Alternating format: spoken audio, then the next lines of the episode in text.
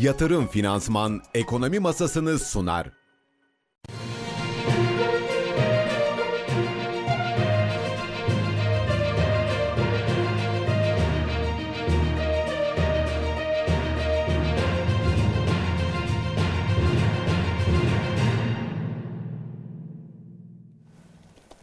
Nasıl bir ekonomi YouTube izleyicileri günaydın tarihimiz 10 Ağustos Perşembe saatler 7.30'u gösteriyor. Ama siz hangi gün hangi saatte yayınımızı açtıysanız hoş geldiniz. Ben Berfin Çıpa ekonomi masasının ilk yarım saatlik dilimiyle karşınızdayım.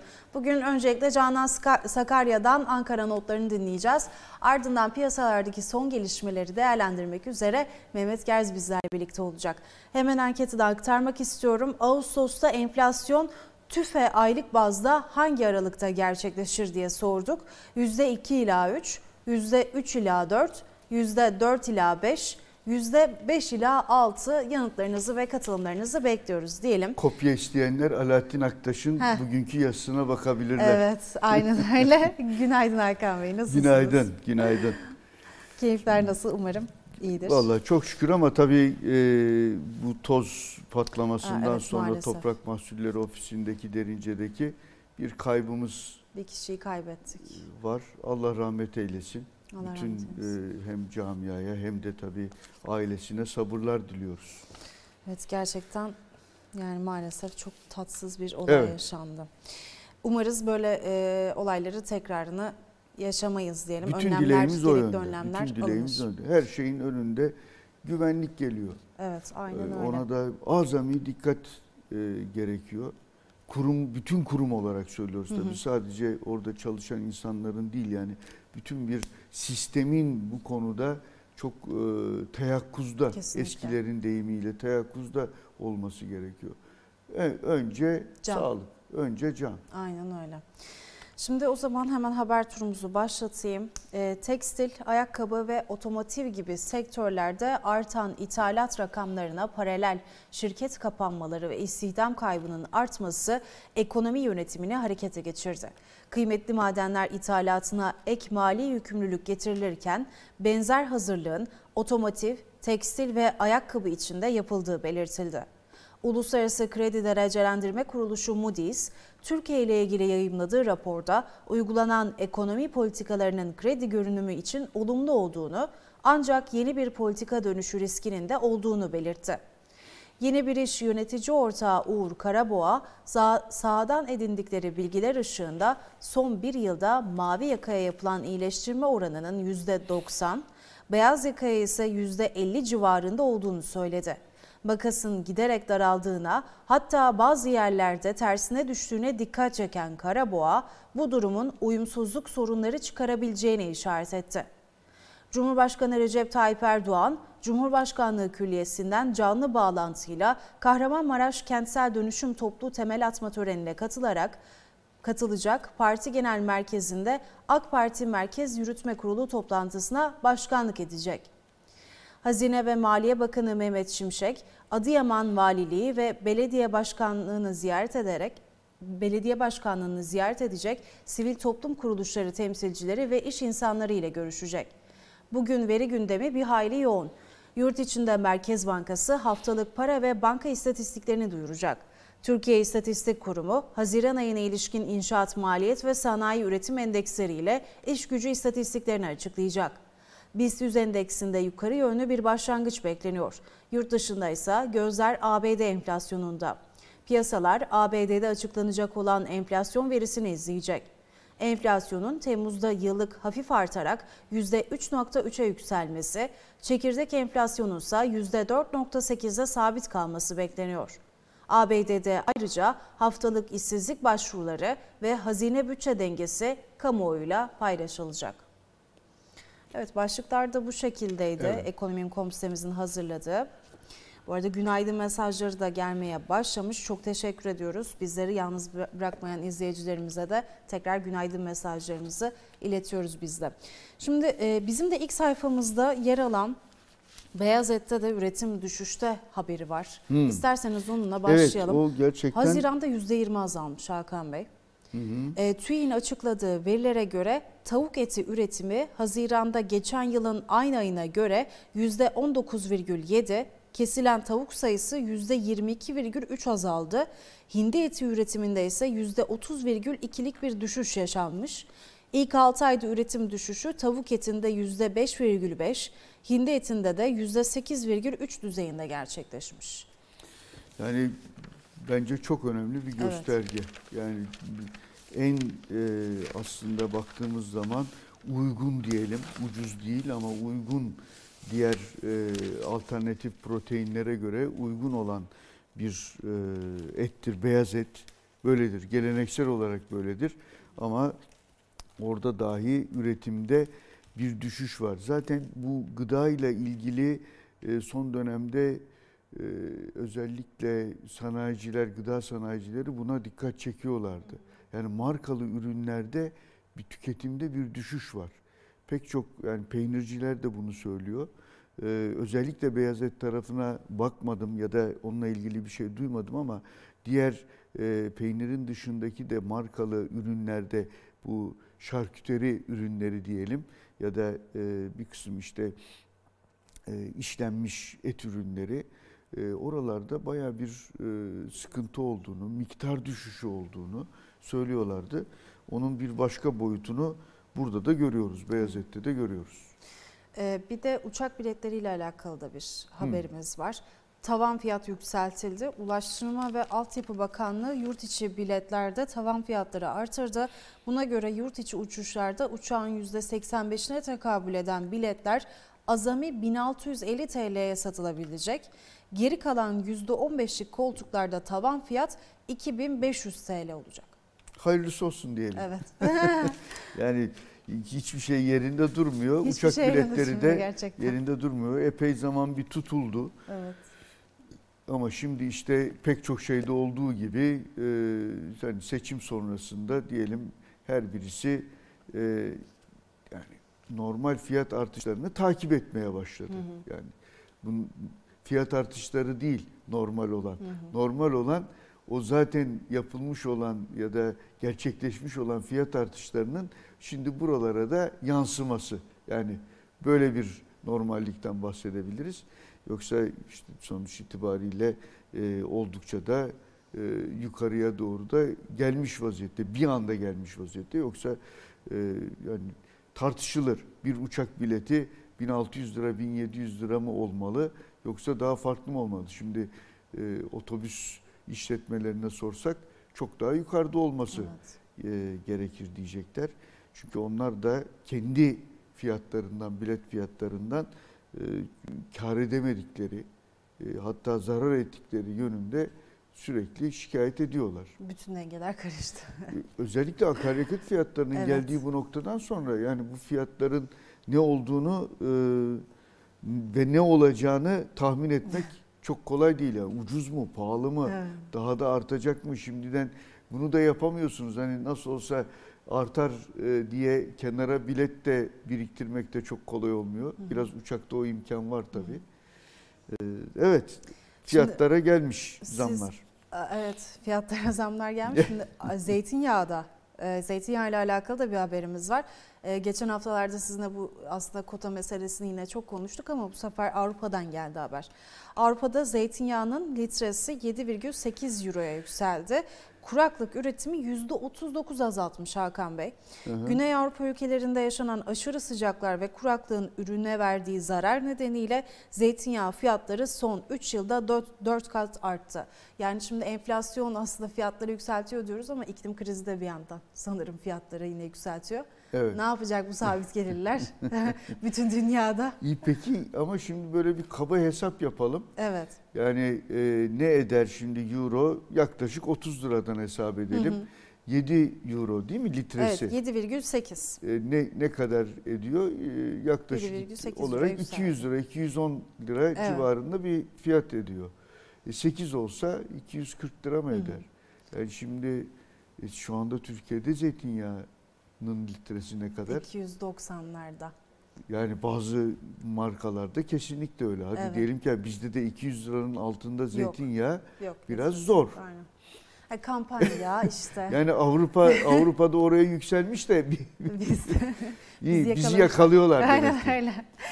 O zaman şimdi e, Avrupa'dan günümüzü Ankara'ya çevirelim. Bakalım Tamam. Ankara'da neler takip edilecek bugün. Ekonomi Gazetesi yazarı Canan Sakarya bizlerle birlikte. Canan Hanım günaydın, hoş geldiniz yayınımıza.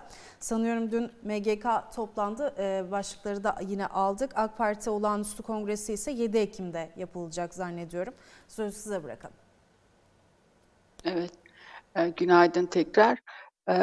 Dün MGK toplantısı yapıldı, üç buçuk saat sürdü. Yedi maddelikte bir açıklama yapıldı. Öncelikle tabii gündem maddesi terördü. PKK, YPG, DAEŞ, FETÖ terör örgütleriyle e, sürdürülen mücadele konusunda bir sunum gerçekleştirildi. E, bu sunum dışında e, yine başka başlıklar da vardı. Bölgesel sorunlara dikkat çeken e, sorunlar, açıklamalar, maddeler vardı. Irak'la işbirliğinin e, geliştirilmesinin hem Irak hem bölge için önemli olduğuna dikkat çekildi. Terörle mücadele konusunda Irak'ın destek vermesi gerektiği getirildi. Diğer bir bölgesel sorun e, Rusya ve Ukrayna savaşıydı. Bununla ilgili de tarafların masaya oturması gerektiği e, belirtildi. Acilen barış yolunun seçilmesi ne vurgu yapılan bir açıklama vardı. Yine tahıl koridoruna geri dönülmesinin özellikle yoksul ülkeler için önemli e, vurgu yapıldı. Diğer bir başlık ise yine e, ilgiliydi. 100. yıla atıfta bulunan, vurgu yapan bir açıklama vardı. Türkiye Cumhuriyeti'nin üzerine düşen sorumluluğu 100. yılda da bölgesel anlamda yerine getireceğine dikkat çekildi. Farklı bir başlık olarak ise küresel ısınma ve göçler başlığı vardı. Bu iki sorunun ülkeler arasındaki sorunları ve artırabileceği ve bu konuda da beraberce ülkelerin kararlı adımlar atması gerektiğine dikkat çekildi. Diğer bir e, başlıkta yine Nijer'le ilgiliydi. E, direkt Nijer denmiyordu ama Afrika'da e, Nijer'de geçtiğimiz günlerde bir darbe olmuştu. Bu noktada da yine o, o yörenin, o bölgenin, o, o kıtanın insanların bu konuda bir çözüm üretebileceğine dikkat çekildi. E, bu şekilde e, yine e, Kur'an yakma olayı da vardı. Yedi başlıkta oluşan e, bir açıklama vardı. Bugün AK Parti'de e, MYK toplanacak. E, gündeminde de yine kongre var. 7 Ekim'de bir kongreler mevsimine giriyoruz siyasi partilerde CHP, AK Parti, e, MHP, ee, yine Yeşil Sol Parti ve HDP'de de kongre çalışmaları başlıyor. Ee, bugün AK Parti'de MYK toplanacak. 7 Ekim'de yapılacak olan kongre öncesi hazırlıklar e, sürdürülecek. İl başkanları e, boyutunda yapılan bir çalışmanın e, Cumhurbaşkanı'na sunulması bekleniyor. Bu değişimin AK Parti'de kongre Ekim ayına alındı. Ee, işte kabinede milletvekillerinde büyük bir değişim yapılmıştı. Ee, parti kadrolarında da büyük ölçüde bir değişim bekleniyor ve e, genel başkan yardımcılarının milletvekili ol, olaca, milletvekili olmayan isimlerden belirlenmesi yönünde de e, kulislere yansıyan bilgiler bulunuyor. Çok teşekkür ediyoruz Canan Sakarya. Kıymetli katkılarınız için size de kolaylıklar diliyoruz. Evet, Canan Sakarya'ya da veda ettik. Günaydın mesajları gelmeye devam ediyor. Ee, Ostim'den yine selamlar göndermişler Yunus Efe. Ne yayınlar güzel. diliyor. Çok teşekkür ediyoruz. Tekrar günaydın diyoruz bütün izleyicilerimize. Şimdi az önce e, fiyat artışlarını konuştuk malum. Şimdi mavi ve beyaz yaka makası da daralmış. Merve Yiğitcan imzalı haberimiz bugün ilk sayfadan yer buldu. Uyumsuzluk sorunları yaşanabilir e, de, denilmiş haberde. Asgari ücretteki artışın üst basamak ücretlere aynı oranda yansımaması gelir makasını alt kademe çalışanlar lehine kapatıyor. Ekonomi gazetesine konuşan yeni bir iş yönetici ortağı Uğur Karaboğa sahadan edindikleri bilgiye göre son bir yılda mavi yaka yapılan ücret iyileştirmesinin %90'ı bulduğunu, beyaz yakalarda ise bu oranın %50 civarında kaldığını söyledi. Şimdi vinç operatörü mesela 45 bin lira istiyormuş Hakan hmm, Yani asgari ücretin dışındakileri söylüyoruz evet. değil mi burada? Vinç operatörü 45 bin lira istiyor. Evet. Yani vallahi vinci kullanmak da kolay iş değil. Değil tabii. İstenebilir. Aynen öyle. Ee, zaten bu yöndeki hani vasıflı e, mavi yaka çalışanların sayısının az olduğunu biliyoruz. E, senin de mutlaka dikkatini çekiyordur. Ben böyle sağda solda giderken hı hı. mesela İstanbul'da şimdi Beşiktaş'a doğru inerken görüyorum orada. İşte Avrupa Birliği'nin Blue Card, mavi kart ha. çağrısı. Hı hı. Her evet, e, evet. alandan, her sektörden alım Tabii. yapılacaktır filan diye insanlarımızı mavi kart üzerinden hani Amerika'nın yeşil kartı gibi bu Avrupa'nın da mavi kartı hı hı. üzerinden çalışmaya davet ediyorlar. Özellikle de böyle hani hemşireler, doktorları filan tabii, tabii. zaten biliyorduk. Almanya zaman zaman hemşire çağrısında bulunuyor. Bulunuyor, Hasta açıkça bakıcı. bulunuyor. Ama şimdi e, iş artık her tür operatöre doğru hı hı. gitmeye başladı. İtalya'da bu e, şeye katıldı. Son dönemde en çok e, İtalya'ya gidenlerin arttığını duyuyoruz hı. mesela. Almanya zaten bu konuda hep başı çeker evet. ama İtalya'ya gidenlerin de olduğunu duyuyoruz.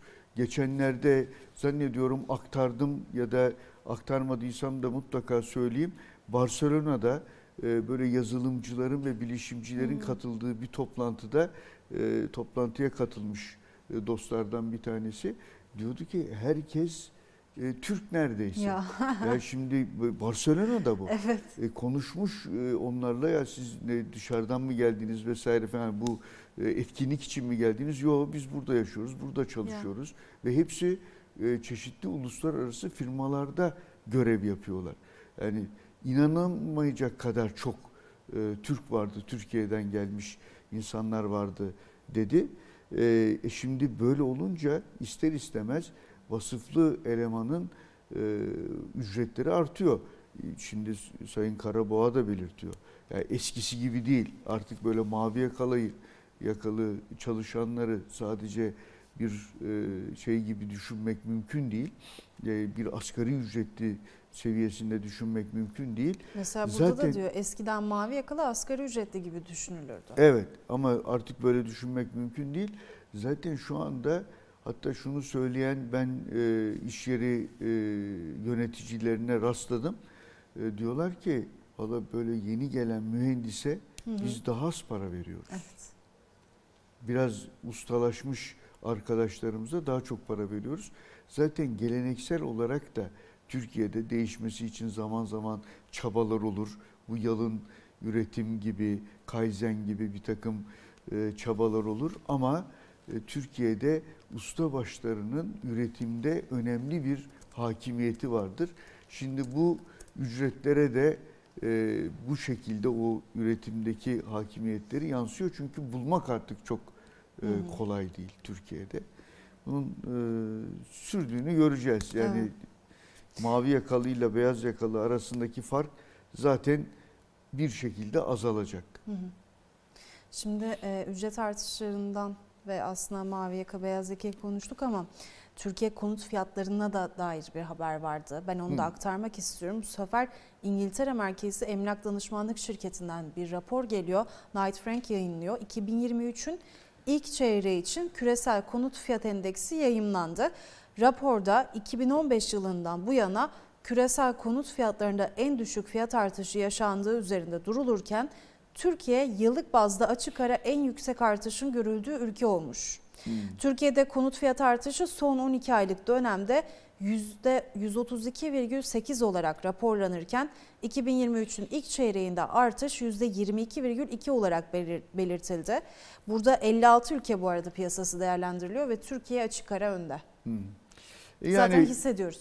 evet zaten TÜİK de e, açıklıyor bu e, rakamları. Sanki oradan da alınmış e, gibime geldi. Raporu oradan geçmiş olabilir. E, hani çok şaşırtıcı değil. Dünya faizleri yükseltirken biz faizleri aşağıya çektik. Şimdi gerçi biz de yavaş yavaş yükseltiyoruz. Dünyada bir tür dezenflasyon sürecine girilirken Çin bunun Aynen. çok net bir şekilde göstergesi oldu. Bizde enflasyonda yükseliş var. E yani konut fiyatlarımızın da bu şekilde dünyada birincilik kazanmış olması şaşırtıcı çok değil. şaşırtıcı değil evet. ama önemli bir bilgi. Aynen öyle. Şimdi Mehmet Gerz bizleri bekliyor. Ata Portföy CEO'su. Ne güzel. Mehmet Gerz bizlerle birlikte. Mehmet Bey günaydın. Hoş geldiniz yayınımıza. Günaydınlar, hoş bulduk. Kırmadınız bizleri. Çok teşekkür ederiz Mehmet Bey tekrar. Şimdi e, sohbetimize ben... Ben teşekkür ederim rica ederim. Ama Hakan Bey e, her sabah bu saatte bazen de çok geç ne zaman uyuyor merak ediyorum. Biz de. Ben de merak ediyorum Mehmet Bey. Sağ olun. Çalışalım. Genciz daha Mehmet Bey. Çalışmamız lazım. Evet şimdi katılıyorum. Mehmet Bey ben sohbetimize BES'le başlamak istiyorum aslında bu alanda çünkü merak edilen e, yani emekliler nasıl paralarını değerlendirsin veya işte kendimize alternatif bir emeklilik hayatı e, kurmak için bu BES sisteminden nasıl faydalanabiliriz şeklinde soru işaretleri var. Sizin de kapital köşenizde bu ay aslında bu konuya da değindiniz. BES bir ihtiyaçtır diyorsunuz ve BES büyüdükçe kişilerin artan emeklilik güvenliği yanında ülkenin tasarruf ve cari açık sorunları da düzelecek şeklinde bir yorum getirmişsiniz. Ben bunu birazcık açmanızı rica, rica edeceğim. BES'in avantajları nedir? E, cari açık sorunları nasıl çözülecek BES sistemiyle birlikte? O işin makro tarafı yani Türkiye'de e, tasarruf eksiği var. Yurt dışı cari açık demek tasarruflar yeterli değil. Yurt dışından başkalarının tasarruflarını ithal ediyoruz. Ama içeride yeterince tasarruf birikimi oluşursa e, o zaman bu yatırımları finanse etmeye yeter. E, makro tarafı bu. Çok uzun bir yolumuz var. E, Türkiye tabii orta e, zenginlikte bir ülke. Hatta ortanın da altına düşmüş durumdayız. E, sermaye birikimi kolay olmuyor. Bu kişiler bazında biz kendimizden biliyoruz. Yani hayata böyle e, ağzında gümüş kaşıkla başlamayan e, insanlar e, belli bir birikimi ancak bizim ülkemizde e, 45'li yaşlardan sonra sağlayabiliyorlar. O da şanslılarsa e, 20 sene çalışmak gerekiyor. Birçok insan var hiçbir birikimi yok. Besi ben şu açıdan da çok önemsiyorum. E, insanlara düzenli para biriktirme alışkanlığı e, getiriyor ve e, bunu kolay bir şekilde her ay maaşınızdan kesiliyor veya yatırıyorsunuz bir düzene giriyor. Yatırım kısmı biraz daha zor. Orada hala sistemin e, kolaylaştırılması lazım. Fon seçimi yapabilirsiniz deniyor. Yılda 12 kere değiştirebilirsiniz. Ben hep soruyorum. Kim hangi fonu nasıl değiştirecek? Çok zor bir mesele. Çok teknik bir konudur. Yani işin profesyonelleri dahi bunu yapamıyorlar. Bizler dahi zorlanıyoruz. Ben Hakan Bey belki şaşıracaktır. BEFAS sistemi var biliyorsunuz. BEFAS. Yani bu sizin bulunduğunuz emeklilik şirketi örneğin örnek vereceğim Allianz emekliliktesiniz. Ama onun dışındaki şirketlerin fonlarını da alabiliyorsunuz. Bir süredir bu mümkün. Yaklaşık iki senedir bu mümkün. Ben bunu ilk defa geçen hafta yaptım biliyor musunuz? Yani bu işin içinde profesyonel birisiyim. Allianz dışında bir yerden ilk defa geçen hafta bir fon aldım. Ee, şunun için söyledim bunu. Fon seçmek, fon değiştirmek çok çok çok zor bir mesele. Bunu sistemde bulunan 8 milyon hatta 8.2 milyon olmuş. Bayağı ciddi bir rakam bu arada. Gönüllü BES üyesi. Bunların yapması mümkün değil. Burada tabii bazı e, bilgisayar çözümleri getiriliyor. Bazı şirketler uyguluyor akıllı bez, robot falan filan diye. Bunlar da daha yeni uygulamalar. İnsan tabii parasını böyle bilmediği bir şeye de emanet edemiyor. Kolay bir mesele değil. Ee, benim burada lafı getireceğim şey şudur. Ülkemizde bağımsız yatırım danışmanlığı müessesesi olmadan bu işler tam rayına girmeyecek. Borsada da çok spekülatif hareketlere yatırımcı e, yem olmak demeyeyim ama manipülasyona yem olunur. E, spekülasyona da kurban gidebilir yatırımcı. Borsada da milyonlarca yeni yatırımcı var. BES'te 8.2 milyon var. E, nereden baksanız Türkiye'de yaklaşık 15 milyon e, kişi sermaye piyasalarıyla artık e, ya BES kanalıyla veya doğrudan yatırım yaparak veya fon üzerinden bir ilişkisi var. Bunların yönlendirilmesi için e, mali müşavirler gibi bağımsız yatırım danışmanları gerekiyor. Şimdi biz, ben bunu söylüyorum birçok kişi e, gerekiyorsa olsun diyordur. E, mesele ne diyordur? Mesele şu, sermaye piyasası kurulu bunu düzenlemiş değil. Yani Hakan Bey çıkıp da Hakan Güldal Yatırım Danışmanlığı diye bir şirket açamaz. Ben de açamam. Hiç, yani benim bütün SPK lisanslarım var. Ben de açamam bunu. Çünkü SPK bu tür e, bağımsız kurumların kurulmasına izin vermiyor. Yatırım danışmanlığı sadece biz yapabiliyoruz. Portföy şirketi, aracı kurum, banka şubesindeki elemanlar mevzuatla ancak sınırlanıyor. Siz, sizler yapabilirsiniz deniyor. Benim şahıs olarak bütün e, mesela lisanslarım olmasına rağmen ben Ata Portföy'den ayrılsam kendi başıma bir Mehmet Gerz e, yatırım danışmanlığı şirketi kuramıyorum. Bu gerekli. Mesela Hindistan örneğine baktım. Hindistan e, sermaye piyasası olarak bizden biraz daha ileride bir ülke bence. Borsası daha büyük, daha geniş, daha dinamik. Orada da çok spekülasyon ve manipülasyon var. Yanlış anlamayın. Hiçbir şey mükemmel değil. Hindistan SPK'sı 1300 tane yatırım danışmanına böyle izin vermiş. Ve orada durmuş ama demiş ki ya çok fazla izin verirsek bunların hepsini denetleyemeyiz. Bir sürü suistimal olur. Zaten bunların bir kısmı da borsada spekülasyon hatta manipülasyon yapmak için kullanılıyor. E, o da durmuş yani orada da e, mükemmel bir e, uygulama olduğunu söylemek zor ama e, Amerika'ya Avrupa örneklerine bakarsanız bu tür yatırım danışmanlığı her zaman yatırımcının tasarruf sahibinin elinden tutan ona sermaye piyasalarında nasıl yapacağı yatırımlarda danışmanlık veren kurumlar vardır. Henüz ülkemizde yok. Bu eksikliğin altını çizerek tekrar sözü size vereyim. Evet. Ya gerçekten önemli bir konu. Ee, ben bu tarafını bilmiyordum. Evet. Yani hep şirketler üzerinden tabii bu e, ilerlediği için e, belki de hani ailemizin doktoru gibi ailemizin bağımsız yatırım danışmanının olması çok daha sağlıklı hmm. olacak ilerleyecek işler. E, orada da mutlaka bir denetim getirilir. Yine bu konuda vasıflı, liyakat sahibi kişilere verilecektir bu yetki diyelim ya da bunu yapabilme imkanı. Ee, yani bir an önce de yapılmasında fayda var. SPK'nın bunu yapmamasında özel bir neden var mı Mehmet Bey? Yani biz de biraz basın olarak bunu daha dillendirelim diye söylüyorum. Çok iyi olur. Gerçekten böyle bir eksikliğin olduğu bile bilinmiyor. Bunun çok net, somut evet. ifade edilmesi gerekiyor ki örneklerle anlaşılsın. Ee, bu arada bağımsız yatırım danışmanı dersek sınırlı olur. Bence bağımsız finansal danışman diyelim bunu. Hmm. Yani örnek vereceğim. Ben Rize Çayeli'liyim. E, Çayeli'nde 5-10 tane e, mali müşavir vardır. Ama hiçbir tane bağımsız finansal danışman yok. Dolayısıyla kişiler finansla ilgili danışabileceği insan yok. Televizyondan, kulaktan e, duyma. Bana telefon edenler olur arada bir böyle sıkılarak. Çünkü biliyorlar yani e, kaç kişiye telefonda cevap verebilirim. Öyle bir ilçede iki tane e, finansal danışman olması gerekir. İki tane dememin nedeni şu, bir e, anım var onu anlatacağım.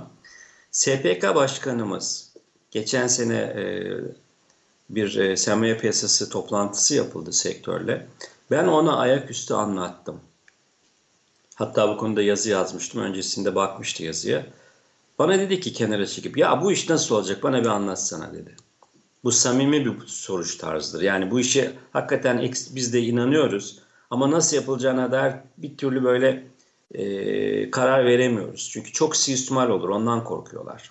Her yerde böyle bağımsız yatırım danışmanları açılırsa finansal danışmanlar milletten para toplar banka gibi bazıları kaçar.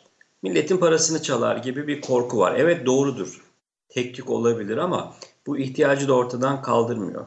Kaç tane olacak mesela dedi SPK Başkanı. Ben de dedim ki aklıma bir fikir gelmedi o sırada. Türkiye'de her ilçede ortalama iki tane olduğunu düşünün dedim. Evet. Bine yakın, 900'e yakın ilçe var. Hadi bin diyelim. 2000 tane finansal danışman. Tabii ki farklı. Atıyorum Bakırköy'de 10 tane olur da Rize Çayeli'nde bir tane olur. Ortalamayı söylüyorum. Ee, bu eksikliğin e, nasıl olması gerektiğini anlatırken demin e, Hakan Bey güzel bir şey söyledi. Finansal doktor. Hmm. Yani dünyada bu konu dikkat edin literatürü takip edenler görecektir. e, financial well-being diye ifade ediliyor. Finansal refah mı diyelim? Well-being yani finansal refah veya financial health de deniyor. Finansal sağlık. Gerçekten e, modern dünyada insanlar açısından gelirini, giderini kontrol altında tutmak, evini almak, borcunu yönetmek, Bir emeklilik sistemine dahil olmak e, ve oradaki birikimleri yönetmek bir finansal sağlık konusu oldu. Bu finansal danışmanları biz çok güzel bir benzetme Hakan Bey. Doktor diye düşünebiliriz. Nasıl ki her ilçede do- birkaç doktor vardır. Hani doktorlar hastanelerde vardı eskiden. Sonra özel muayenehane açtılar. Aynı şeyi söylüyorum. Yani finansal doktorlar aracı kurum portföy e, şirketi bünyesindeyiz ama bizim de artık muayenehane açabiliyor olmamız lazım. Çünkü bu sefer doğudaki hastanelere hiç doktor gitmiyor mesela. Orada hiç finansal danışman yok. Öyle düşünün. Ee, bu meselenin sürekli altını çiziyorum. Neden derseniz borsamız ağır aksak, düşe kalka bir gelişmeye başladı. Yani geç oldu ve güç oldu bu arada. Ama borsa serpiliyor artık. Serpilmekten kastım şu. Yeni yeni şirketler geliyor. Bir sürü farklı alternatif var. Çok farklı şirketler var. Yani şaşırırsınız. Ben geçen gün baktım bir tane kapı üreten şirket varmış. Kapı şirketi borsada. Ee, bizim grubun patates gıda şirketi açıldı. Atakey mesela belki fark ettiniz. Şimdi patates şirketi diye insanlar komik bulabilir ama patatesten daha önemli bir gıda maddesi var mı? Veya gıdadan daha önemli bir e, üretim alanı var mı? Dolayısıyla bu tür borsadaki şirketlerin farklı farklı sektörlere yayılmasına ben serpilme diyorum ve bu bir e, e, sağlıklı bir gelişmedir. Borsa büyüyor ve ekonominin tamamını kapsamaya doğru genişliyor. Yeni yatırımcı geliyor buraya ve burası uzun süredir olmadığımız bir devinim göstermeye başladı son birkaç senedir. Çok problemler var onu söylüyorum yani mükemmel bir gelişme değil ama ben Hindistan örneğine çok önem veriyorum. Hindistan borsası bizim e, 5-10 sene ilerimizde. Orası da aynı şekilde gelişmiş. Borsaya bir sürü şirket geliyor, bazıları eleniyor. Çok yatırımcı var, çok spekülasyonu var, manipülasyonu var, her şey var. Bunlar oluyor piyasa realitesi içinde ama e, iyi şirketler e, büyüyerek, yatırımcılar da işi öğrenerek e, sermaye piyasası, yatırım kültürü düşe kalka gelişiyor. Bakın altını çiziyorum, düşe kalka. Evet. Bu mükemmel bir gelişme değil. E, bütün bu gelişim sürecinde ne eksik kaldı diyorsanız ana eksik. Ya bu yatırım danışmanlığı eksik kaldı. Evet. Millet ne yaptığını bilmiyor. Borsa Ya gerçekten insanlar ne yaptığını bilmiyorlar. E, milyonlarca insan. Bu gelişim sağlıklı değil. Yani insanların borsaya gelişi, e, dikkat edin çevrenizde. İnsanlar spekülasyona geliyorlar. Hızlı para kazanmaya geliyorlar. Vurkaça geliyorlar yani. Ama borsa yatırımı bu değil. Biz bunu biliyoruz. Ama anlatarak e, yeterince yere ulaşmıyor. Yani finansal okuryazarlık faaliyetinden de biliyoruz Hakan Bey'le. FODER'de birlikte e, görev yaptık e, uzunca bir süre. Ben devam ediyorum. E, anlatarak çok fazla kesime ulaşamıyorsunuz. Çok daha fazla insanın bu işin olması lazım. O yüzden bağımsız finansal danışmanların bütün ülkeye e, yayılması gerekiyor. Yani öyle bir noktaya geldik biz bu gelişim sürecinde. Çok teşekkür Çok ediyoruz. teşekkür Sağ olun. Ama bir ara sizde tabii borsayı da konuşalım. Evet. Hani bu sefer vaktimiz Tabii biraz ki. e, sınırlı kaldı ama bu çok önemli konuyu da gündeme getirdiğiniz için Çok gerçekten ediyoruz. çok teşekkür ediyoruz Mehmet Bey. Çok sağ olun. Ben teşekkür ederim. Borsayı konuşmak üzere Berfin Hanım beni e, Ben arasın.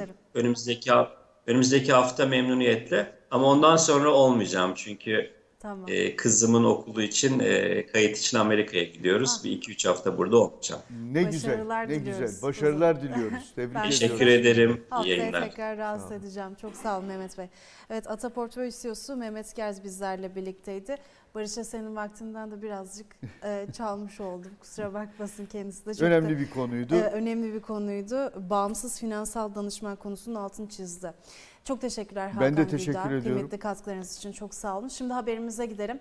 Çevre Şehircilik ve İklim Değişikliği Bakanı Mehmet Özhaseki dün İstanbul'da medya kuruluşlarının temsilcileriyle bir araya geldi. Özhaseki İstanbul için özel bir yasa çıkarmayı hesaplıyoruz dedi. Haberimizi izliyoruz. Haberin ardından Barış Asen ve Hakan Güldağ ekonomi masasında karşınızda olmaya devam edecek. Bu düşündüğümüz yasayı sadece İstanbul ve çevresi için çıkarmayı düşünüyoruz. Çünkü buranın problemlerini biliyoruz. Karşımıza çıkan sorunları biliyoruz. Sağ olsun ilçe belediyesi başkanı arkadaşlarımızdan bir kısmı bu konuda çok gayretliler. Hakikaten uğraşıyorlar. Belki de e, arazide çok sıkıntıya giriyorlar. Vatandaş kendilerine çok yükleniyor. Ama en doğru işi yaptıkları kanaati bende hakim. Onların karşılaşmış olduğu sorunları da biliyoruz. Bu sorunları giderici mahiyette, işi hızlandırıcı mahiyette, birkaç kişinin belki komplekslerine e, olayı kurban etmeden en hızlı biçimde bu işi yapmak istiyoruz. O yüzden de İstanbul ve çevresine ait özel bir yasa olarak çıksın diye düşünüyoruz bunu. Ne olacak bu yasada? Yani bir zorlayıcı hükümler mi getirilecek İstanbul? Yani kentsel dönüşümü teşvik edici, zorlayıcı, vatandaşa bir takım yükümlülükler mi getirmeyi planlıyorsunuz? Yani çerçevesi ne olacak bu yasada? Eskiden bir binanın dönüşümü için yüzde yüz muvaffakat gerekiyordu. Daha sonraki zaman dilimi içerisinde bu üçte ikiye kadar düşürüldü. Fakat bina içerisinde e, itiraz edenlerin kendine göre bu işi tıkayıcı mahiyette epeyce bir çabalar oluyor, engelleri oluyor. Üçte ikiyi sağlasanız bile iş başına geçtiğinizde yasa sizi uzunca bir güzergaha sokuyor ve orada karar alıp bir an önce işe başlayamıyorsunuz. Elbette ki vatandaş, herkes kendi evi hususunda istediği gibi karar verebilir, saygı duymak lazım. Buna bir şey diyemeyiz ama e, bazen de engelleyici mahiyette davranıp mahkemelere gidip dava açmayı çok seven arada nadir de olsa vatandaşlarımız çıkıveriyor. Onların elinde dosyayla mahkeme kapılarında dolaştığı bir ortamda da kocaman bir binada onlarca kişi bekliyor. Ama birisinin itirazlarıyla beraber orayı siz hızlandıramıyorsunuz. Allah korusun bir şey olduğu zaman da hep birlikte bunun acısını çekiyoruz. O yüzden bunları hızlandıracak mahiyette belki de bir şahsi kanaat bu. Kesin hüküm değil benimki. Yüzde elli aşan oranda bina içerisindeki sakinler evet burada dönüşüm yapalım diyorlarsa ona rıza göstereceğiz. Yatırım Finansman'ın sunduğu ekonomi masası devam edecek.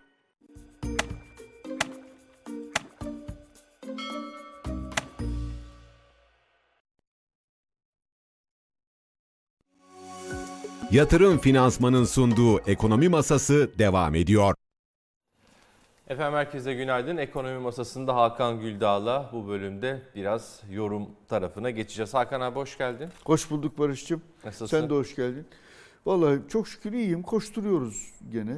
Dün e, sabah bu İstanbul e, Fashion Connection, İFCO diye Sen fuara gittin galiba fuara değil mi gittim. yayından çıkınca? Hatta buradan yayından çıktıktan sonra gittim. Birçok e, noktalarda ifade edildi. E, ihracatçıya yeni krediler imkanları da var ama hepsini konuşuruz. Ee, ekonomide gene hareketli günler. Sanki e, bu yazı biz böyle bitireceğiz gibi hiç fazla e, yani belki de o deprem sonrasında ve hemen arkasından da seçim de gelince o depremin yarattığı bir boşluk oldu açıkçası ekonomide. Arkasından da seçim dönemi geldi. İki seçim yaşadık. Yani şimdi bu hükümetin kurulmasıyla birlikte tekrar ekonomide bir hareketlenme var gibi görünüyor. Evet e, Sayın Gültepe de Mustafa Gültepe tim başkanı da ihracatta geçen yılla başa baş noktadayız demiş. Evet 143.4 diye Sayın e, Bakan da açıkladı onu. Evet ilk 7 ayda. İlk 7 ayda e, hemen hemen başa baş. Yani e, benim de oradaki sektörlerle de ilgili çünkü sadece hazır giyimle ilgili, tekstille ilgili başkanlar yoktu. Farklı sektörlerden de, madencilikten de, başka sektörlerden de başkanlar vardı. Demir çelikten vardı mesela. E, baktım bir şey var, bir e, sıkıntı var yani ihracat tarafında. Ama en çok e, bir hanımefendinin söylediği çok dikkatimi çekti. Tabii e, aynı zamanda e, yapılacak defilenin de hazırlıklarını da yapıyordu. Onun da telaşı içindeydi. Hmm. Yani bir yandan mücadele sürüyor onu söylemek lazım. Bütün bu konuları biz ifade ediyoruz. Bunların hiçbirisi moral bozmakla ilgili değil. Ama sıkıntıların da üzerine gitmekle ilgili. Yoksa iş dünyası elinden geldiğince işin için çabalıyor. Yani bunu çok net görüyorsun. Hani bunu size aktarırken öbür yandan da defilenin olması için uğraşıyor. Orada baya da bir şey vardı. Yabancılardan da gelenler vardı. Hani şunu da sevmiş bizim katılımcılar. 366 tane yerli, 15 tane de yabancı firma şeyde fuarda, fuarda yer alıyordu. Bunların da önemli bir yani 30 binden fazla da ziyaretçi bekleniyor. Önemli bir kesimi hani mesela Latin Amerika'dan gelenler var. Afrika'dan, Etiyopya'dan da dedi görüşme yaptım. Şeyden de e, Şili'den de görüşme yaptım. Hatta Şili'den iki firmayla ayrı ayrı görüşme yaptım. Ben pek çok mesela böyle Slovenya'dan, e, Polonya'dan e, katılımcılara rastladım. Önemliydi ama söylediği de şuydu. Ya her şeyimizi çok beğeniyorlar. Fakat iş fiyata gelince fiyatta biz bir kalıyoruz. Aa biz bunu bir daha bir değerlendirelim. Biz bu kadar olduğunu düşünmüyorduk deyip e, bir müsaade istiyorlar dedi. Bu tarafı bizim canımızı sıkıyor dedi. Peki. Bu bence önemli bir konu. Ee, işte bu giyim fuarı vesaire e, Hakan abi ifade ettin. Türkiye Triko Sanayicileri Derneği Başkanı Mustafa Balkuv'un da bugün gazetede bir açıklaması evet. var. Triko sektörü ihracat kaybı yaşıyor demiş. 2022 yılının ilk 6 ayında 924 milyon dolarlık ihracat olmuş geçen sene. Bu senenin 6 aylık döneminde 794 milyon dolara düşmüş. 924'ten 794'de bir kayıp var. E, Triko tarafında da evet. e, onu da söyleyeyim. E, Örme tarafında da Fikri Kurt da aynı e, bilgileri verdi. O biraz da sektörün kendi kendine hı bir koordinasyon içinde olmaması, e, işbirliği içinde olmamasının daha öncesine kadar biz böyleydik dedi. 2021 Eylül'ünden sonra bu iş çok fena bozuldu dedi. Zaten birçoğu şey 2021 evet. Eylül'den sonra bozuldu. Evet. Enflasyon da başta olmak üzere. Ankara'ya hemen gidelim. Maruf Buzcugil bizi bekliyor. E, dün aslında gazetenin manşetinde vardı biraz daha dişinizi sıkın mesajı e, reel sektöre kredi büyümesi konusunda, kredi erişim konusunda Maruf Buzcugil'den bir hatırlatma var sanırım. Günaydın Barış Esen, Hakan Güldağ. Ee, evet bu e, dişinizi sıkın mesajını ben bir yerden hatırlıyorum dedim. Ee, şöyle bir geçen yılki tam da Ağustos ayının bugünleriymiş. Gazetemizi şöyle karıştırdım yazdıklarımız haberlere, yazılara şöyle bir baktım. O zaman da aynı mesaj verilmiş ve sorun aynı finansmana erişim sorunu. Önceki gün e, Ankara'da Cevdet Yılmaz, Cumhurbaşkanı Yardımcısı Cevdet Yılmaz Başkanlığında, onun koordinasyonunda 24 sivil toplum örgütü, özel sektörün çok önemli e, kuruluşları ve e, Rıfat İsarcıklıoğlu başta olmak üzere kanaat e, e, iş dünyası önderlerinin katıldığı bir toplantı e, vardı. E, bu toplantıdan çıkan mesaja baktık. E, işte bir buçuk, iki ay daha dişinizi sıkın finansmana erişim imkanları rahatlayacak diye Sayın Şimşek'in e, böyle bir e, toplantıda değerlendirmesi olmuş. İşte e, e, makro istikrarın sağlanacağı orta vadeli 3 yıllık bir döneme hazırlanıyoruz, bir geçiş dönemine. Daha uyumlu bir para politikasıyla ilerleyeceğiz. Bir buçuk iki ay daha dişinizi sıkın diye. Ben şöyle bir baktım geçen yıl e, ne, ne denilmiş? Hemen hemen benzer formattaki bir toplantı yapılmış yine e, iş dünyası temsilcileriyle. Orada da aynı mesaj verilmiş. E, bir buçuk iki ay daha dişinizi sıkın diye. Tabii orada e, şu da gündeme gelmiş. Bu tabii geçen yılki dönemin kur ve enflasyon şokunu izleyen günlerde olduğu ve seçim öncesi olduğu, dolayısıyla iş dünyasının e, hükümete daha e, sabırlı davrandığı şeklinde e, görüyoruz o, o günkü havayı. E, bugün daha yüksek perdeden seslendirildiğini görüyoruz bu finansman sıkıntıların. O zaman e, bu şey gündeme gelmiş. E, kredi karşılığı verilen teminatların enflasyona göre güncellenmesi konusu çok önemsenmiş. Aslında bu konu hala gündemde. Kredi limitlerini çok yakından ilgilendiren bir konu. E, fakat onu konuşmaya fırsat bulamıyoruz. Finansmana erişim imkanı hakikaten çok daraldı. Bir de şunu da hatırlamamızda fayda var. Hani dezenflasyon sürecine geçtikten sonra e, parasal sıkılaştırmanın artıracağı, artacağı dönemde e, tabii bu kredi imkanlarının da e, çok rahat olmayacağını da şimdiden düşünmek gerekiyor diye düşünüyorum Barış Buzlugi çok teşekkür ediyoruz. Ee, ağzına sağlık. İyi çalışmalar diliyoruz Ankara'ya. Teşekkürler. Sağ olun.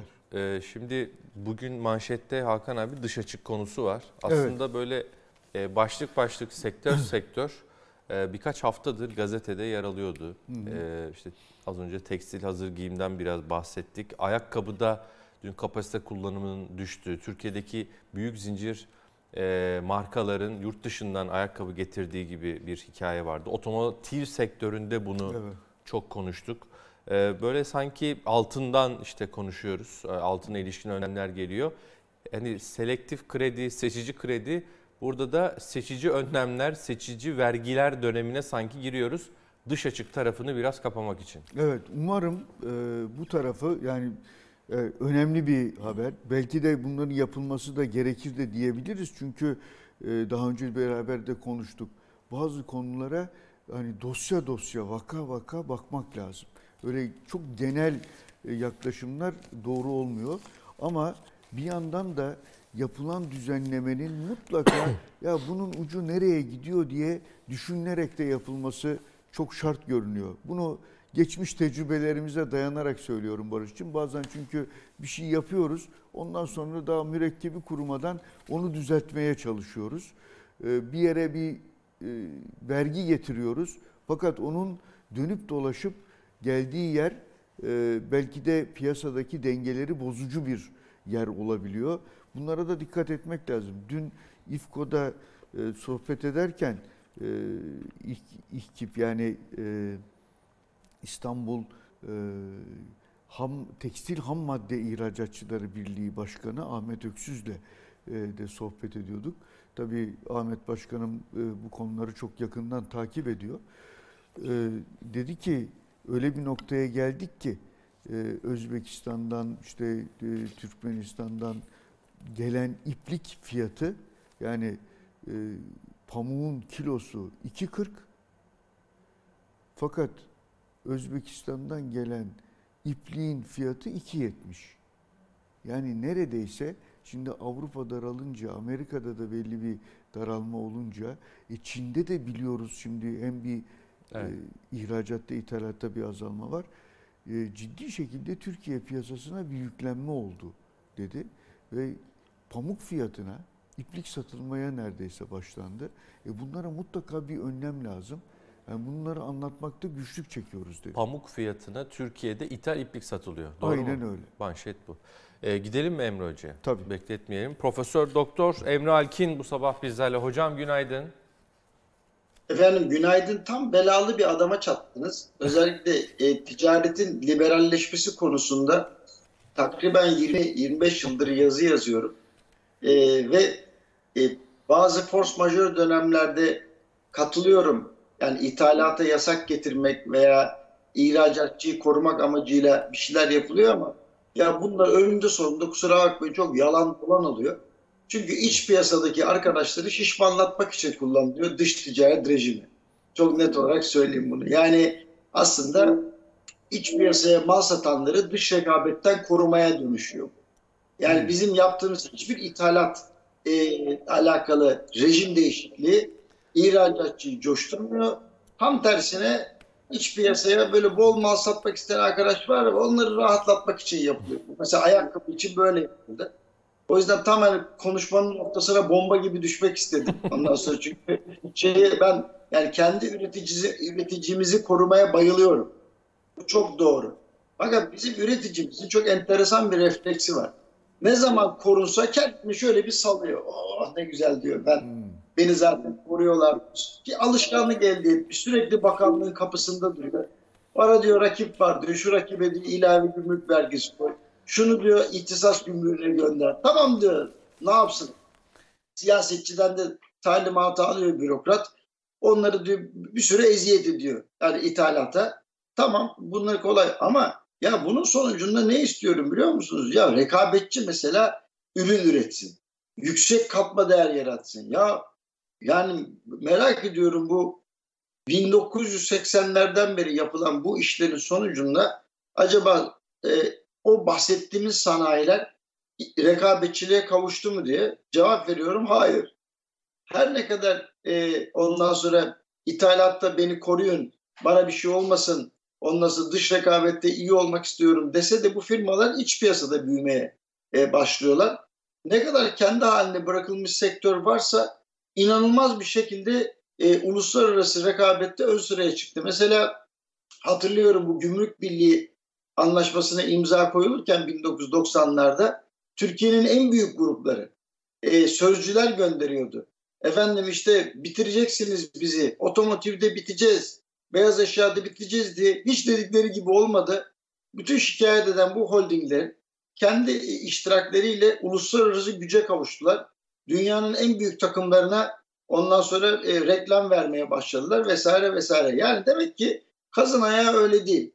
Yani ithalata önlem koyarak ondan sonra e, efendim ihracatçıyı destekleme aslında palavra tam tersi. Ondan sonra e, iç, iç sektörlerde e, mal satanları korumak amacıyla yapılıyor. Mesela ayakkabı. Ya bu ayakkabıyı 1900'lerden 1990'lardan beri destek verilir. Mesela 2014'ü söyleyeyim size. 2014'ün Ağustos'unda ayakkabıya ilave gümrük vergisi geldi. E, ama nereye geldi biliyor musunuz? Lastik ayakkabıları ilginç bir şekilde. Yani dedim lastik hangi lastik ayakkabıları? Efendim e, bizim gençlerin hani spor yaptığı, ayağına giydiği ayakkabıları. Niye kardeşim bunu yaptınız diye sorduk. Efendim işte gençler iskarpin ayakkabı giymiyormuş. Artık sneaker giyiyormuş. Evet. E, dolayısıyla e, bizim ayakkabıcımız ondan sonra mağdur oldu. Ya kardeşim ne alakası var? Yani sen iskarpin ayakkabı giymiyor gençler diye futbol oynayan gençleri, voleybol oynayan gençleri, basketbol oynayan gençleri, tenis oynayan gençleri niye cezalandırıyorsun ya? Ne saçma sapan bir şeydir bu. Ondan sonra ve ne oldu biliyor musunuz? Ben çok iyi hatırlıyorum. O zaman Ekonomi Bakanı ile beraber bir sohbetteyiz. Sayın Cumhurbaşkanı da ondan sonra o kalabalık ortamda var.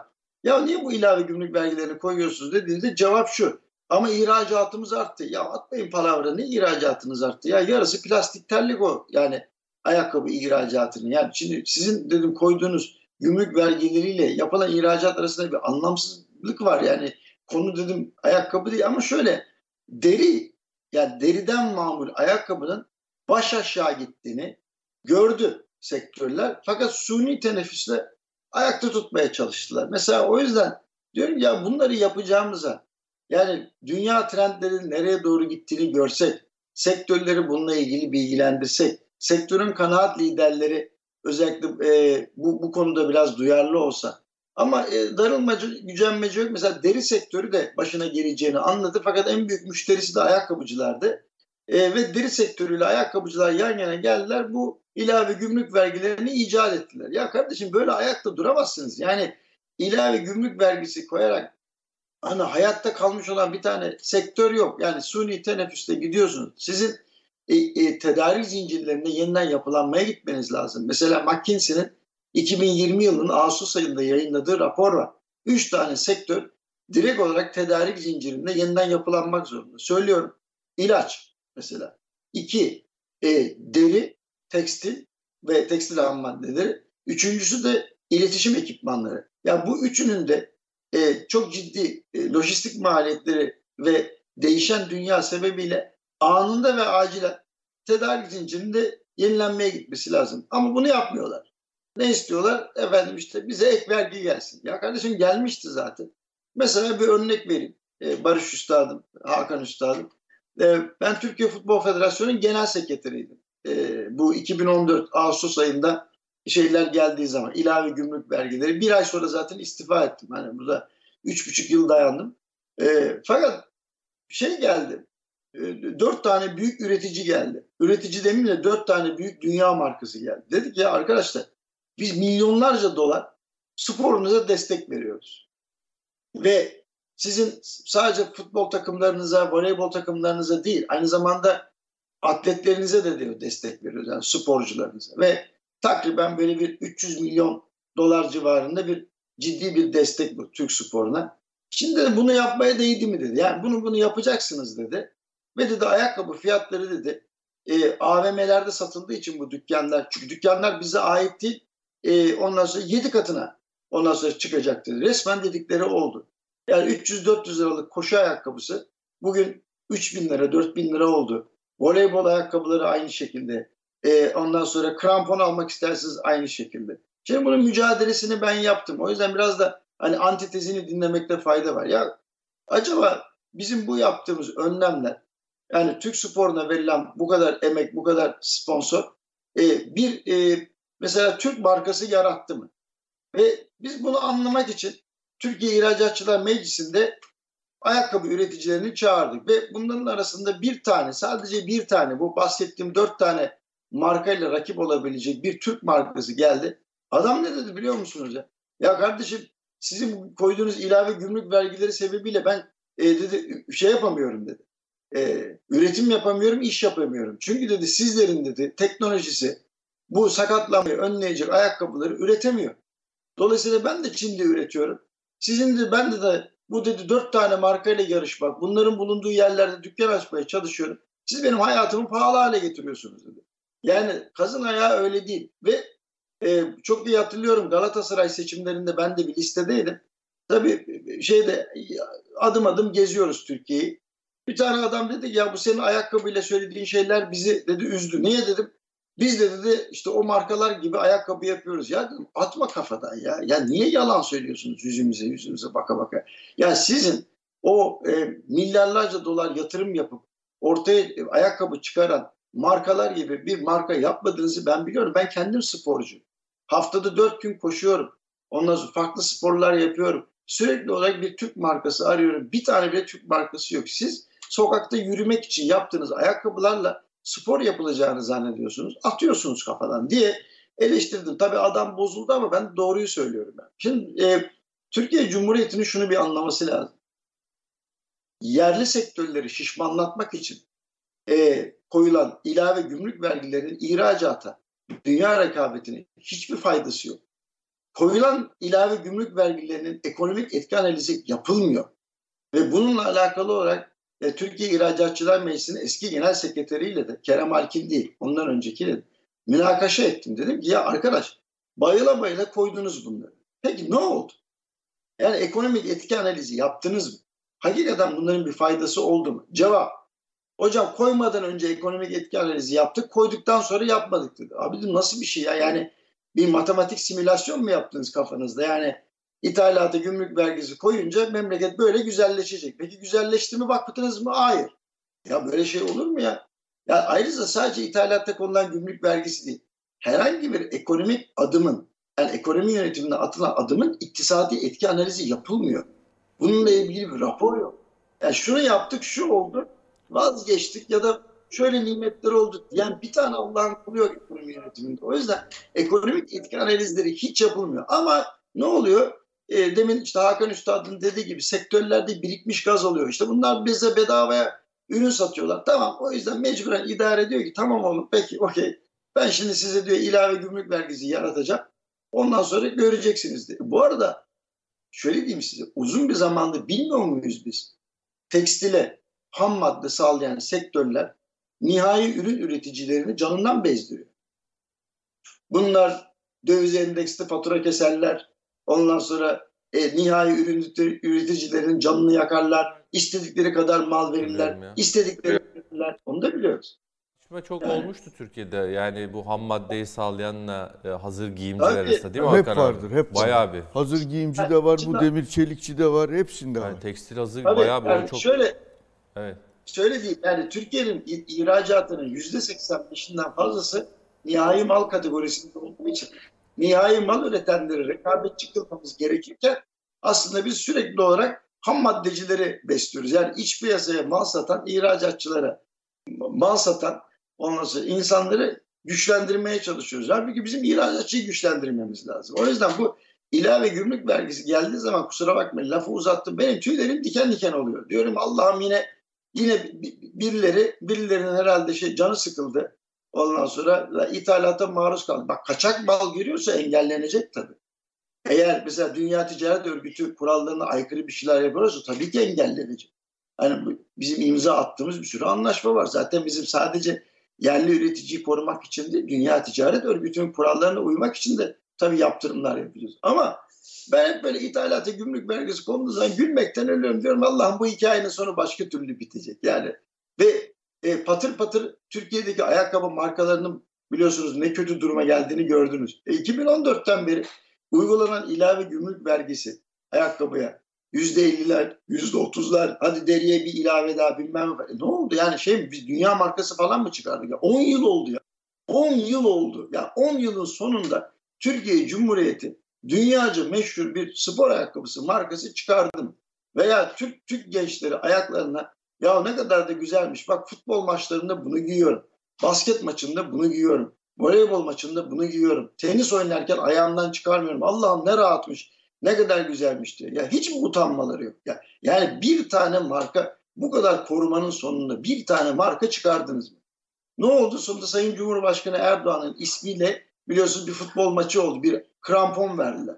Ben de merak ettim aradım ya nedir bu adam diye. Ya bir tane daha üretilmedi ondan. Biliyor musunuz? Bir tane daha yok ortada. Ben de şimdi soruyorum ayakkabıcılara. Bana söyleyin bakayım hangi futbolcu Türkiye'de bak yurt dışı demiyorum yurt dışı demiyorum. Hangi futbolcu, hangi voleybolcu, hangi basketçi, hangi tenisçi, hangi sporcu sizin ayakkabılarınızı giyiyor? Hadi bakalım. Sizi korudular bu kadar. 10 yıl içerisinde bana söyleyin hangi hangi sporcu ya önemli de ünlü olmasını. Hangisi giyiyor? Cevap yok. O kadar net yani. Teşekkür ederiz valla. Ee, ağzınıza sağlık. Ama bu tartışma kolay kolay bitecek bir Bitmez. tartışma değil. Bitmez. Yani... Bunların da cevabı olacaktır mutlaka ama ben söyleyeyim yani.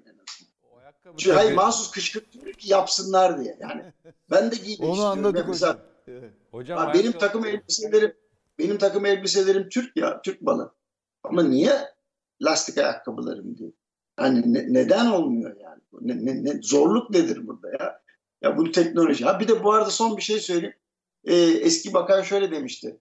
Ya bunların dedi fabrikaları var bilmem ne ya. Sayın Bakan bilmiyorsun ya. Fabrikaları falan yok. Bu markaların hiçbir zaman fabrikaları olmadı. Bu markalar her zaman ürettiriyor. Biraz aklı başında işler yapın da bu markalar gelsin Türkiye'de baba yiğitler bulsun ki buldular bir iki tane. Bunlar üretim yapsınlar. Hala aynı kafadalar. Bunlar yurt dışında üretiyor. Ya kardeşim bu markaların hiçbirinin artık fabrikası yok dünyada. Bunlar tasarım tasarım markası oldu. Anlatamıyoruz da derdimizi. Bir Türk'ün bu markaları üretiyor, bu teknolojiyi öğreniyor olması lazım ki bunların aynısından daha güzellerini hatta üretmeye başlayalım. Neden bunu anlamıyoruz ya bir türlü yani? Valla enteresan budur. Tabii orada ifade ettiğiniz gibi hocam marka, önemli olan marka. Hani ürünün de tabii. bir noktada belki ötesine gidiyor. İnovasyon da tabii işin içerisinde var e, açtığınızda şöyle etiketine baktığınızda ya Bangladeş ya Vietnam ya işte bir Asya'da bir yer ya Afrika bir yerde üretiliyor yani uzak Asya'da. Aynen. Ama tabii ki hocanın televizyon üretiyoruz, buzdolabı üretiyoruz aslanlar gibi dünya standartı değil mi? Ondan sonra elektrik süpürgesi üretiyoruz. Bütün güzellikler bizde dünya markası olmuş. Peki bunu niye yapmıyoruz? Yani e demek ki yanlış bir şey yapıyoruz yani. Burada bir yanlışlık var Peki. ama bunu kabul etmiyor sektör. Ee, hocam çok teşekkür ederiz. Ee, ağzınıza sağlık. E, aklınıza sağlık Hakan abinin deyimiyle. İnşallah buluşmak üzere, görüşmek üzere diyelim. Profesör Doktor Emre Alkin e, bu sabah böyle, bizlerle. İçine atladım bam diye işte böyle çok, çok, çok mücadele ettiğim bir konuya rast geldi şans. Ama, ama daha çok konuşuruz bunu yani. Biz rezerv soracaktık ama hocam yani rezerv. güncel sıcak konu bence daha da iyi oldu. Rezerv zaten daha çok konuşuruz. Tabii rezerv daha oho bilseniz ya. O, o daha uzun bir yolculuk o. Evet. Kendinize iyi bakın hocam. Görüşmek üzere. Görüşmek Sizleri üzere. seviyoruz. Kolay gelsin. Olun. Emre, Emre Hoca tabii biraz dediği gibi kışkırtıyorum diyor. Evet hani evet biraz onu, sert onu konuşuyor. yapmaya çalışıyor. Şey, ee, yoksa hani herhalde o da farklı. Çin'de şimdi her yerde e, bizim makinacılara filan yani onun en büyük şikayetleri Yani Çin sokmuyor öyle kolay kolay makineyi Çin'e nasıl sokacaksın? Mutlaka ama gümrük içinde, ama gümrük dışında, ama tarife içi, ama tarife dışı o kadar çok engel çıkartıyor ki. Ya Amerikalılar boruları sokuyor mu Türkiye'ye? Gitti bizimkiler orada üretmeye başladılar. Hı hı. Değil mi? Yani bu dünyada da rekabet bir başka bir şey. Ama şuna katılıyorum. Nikolay Haytov diye bir Bulgar yazar vardır. Hı. Çok e, yani epey zaman öncesinde dünya poturunu çıkarıyorsa diye de böyle bir e, tam söylemiş olmayabilirim ama içinde o kitaba da kısa hikayelerden oluşur. Kitaba da ismini veren bu öykü aslında bir ayakkabıcı, iskarpin ustası Ali'nin sözüdür bu.